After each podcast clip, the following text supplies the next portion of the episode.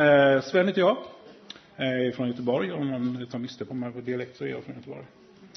Eh, för tre år sedan lite drygt så gick jag på stadens gator med ett stort svart hål inom mig. Mammon hette det ordet. Usch, vad äckligt. Eh, så gick jag till en kyrka som låg på eh, Linnégatan, mitt i stan. Eh, och där satt jag och tittade och tänkte vilka konstiga människor som sitter och håller. Alltså, det var väldigt udda människor tyckte jag då. Det här är en kyrka som eh, tar an eh, gamla narkomaner och alkoholister. Det var väldigt udda människor, uteliggare och jag kände bara att det här är inte min kyrka, kände jag.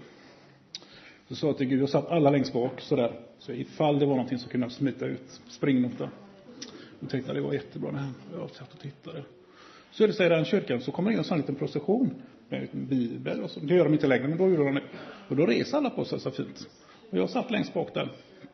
Och då kommer någon bakifrån precis bredvid mig. Och då ska jag resa på mig. Så kunde jag inte resa på mig. Jag bara satt där. Jag tänkte, oj. Och samtidigt vänder sig alla om och tittar på mig. Jag tror aldrig jag skäms och, och känner mig så fruktansvärt dum i hela mitt liv. Jag satt där. Och jag var den enda som satt i hela kyrkan. Jag kände bara, det här är ju hjälp liksom. Vad är det här för något konstigt? Så man gick förbi mig och jag satt där. Jag satt hela gudstjänsten och det var nattvard. Jag kunde inte ta någon nattvard. Jag bara satt och sen var gudstjänsten slut och då kunde jag resa på mig. Och tänkte, den kyrkan går jag aldrig tillbaka till. Aldrig i livet. Och sitta där och skämmas hela tiden. Så nästa vecka gick jag inte dit. Det var på tisdagar vi var där. Så tänkte jag, nej, det var nog bara jag som var lite konstig i huvudet. Så jag gick dit efter två veckor igen. Så frågade jag, om det här var du och visa att det finns och hela det här då. Så tänkte jag nu kommer något ljus och jättefint för det är en väldigt sån fin kyrksal där då. Eh, kan kan gissa vad som hände? Där satt jag i min bänk igen. Jag bara, okej, okay, jag får sitta kvar där då. Då satt jag där. Och eh, då sa det buller och brak. Då mötte jag Jesus och sa, verkligen. Och det svarta himlen bara rann ut, bara rann ut. Helt otroligt. Um, det var väldigt, väldigt starkt. Så då sov inte jag hela den natten sen. Kände på, vad var det här liksom? Vad hände här? Eller hände här var det såklart. Man pekade på huvudet, men det var liksom ihopkopplat. Um, och då hade de på tisdagar där som sagt då. Och nästa tisdag igen så gick jag dit och då hände ingenting. Tänkte jag, åh, vad skönt, jag kan resa på mig som alla andra då. Och då kändes det redan hemma. Alltså alla de där konstiga människorna som var, de var bara, ja, de var som vilka som helst helt plötsligt. Väldigt, väldigt konstigt. Aldrig varit med om det. Väldigt konstigt var det i alla fall. Så då kände jag, då kanske jag kan vara här då. Så var jag där ett par månader och så säger prästen som heter Lennart Pettersson Ja, jättekul. Nu tar kyrkan semester här. Vi ses i augusti. I två månader. Jag bara, vad händer med Jesus? Vad ska jag göra? Vad ska jag göra? Jag fattade ingenting. Jag visste absolut, jag hade, var helt ny tro. Visste inte vad jag skulle ta vägen. Ja, då kommer jag att förlora Jesus. Men eh, då hade jag lite tur där innan så träffade jag en eh, god vän grek. Gregory som sitter borta. Han sa, kom vi ska läsa lite Bibel. Eh, om sex timmar, tre dagar i veckan i lite. Och då satt jag och tragglade hela sommaren. Hela sommaren och tänkte, ja, schysst, det här är ju normalt, jättebra. Så man sitter liksom tills man är färdig, eh, då, helt ur huvudet och all kunskap och bara bubblar i hela huvudet på en. Jag fattar inte liksom, det var väldigt, väldigt konstigt för mig. Jag har aldrig varit med om någonting sånt här. Men eh, så hade jag en annan broder, Jim, som tog mig till en kyrka som inte var så bra egentligen. Och han varnade mig för det, som han heter. Han varnade mig för den kyrkan.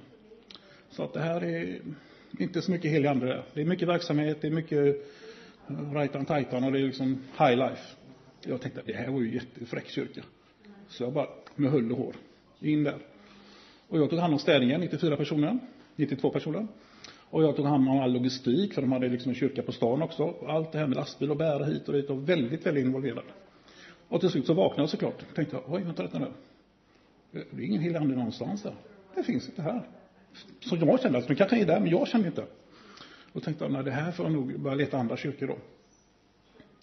Och eh, nu, för en månad sedan eller någonting sånt där, 14 år sedan någonting, då skulle jag till en kyrka som heter Saron. Och det är liksom på vägen hem. Ganska lätt sådär. Och så körde jag, så hade jag redan kört förbi den.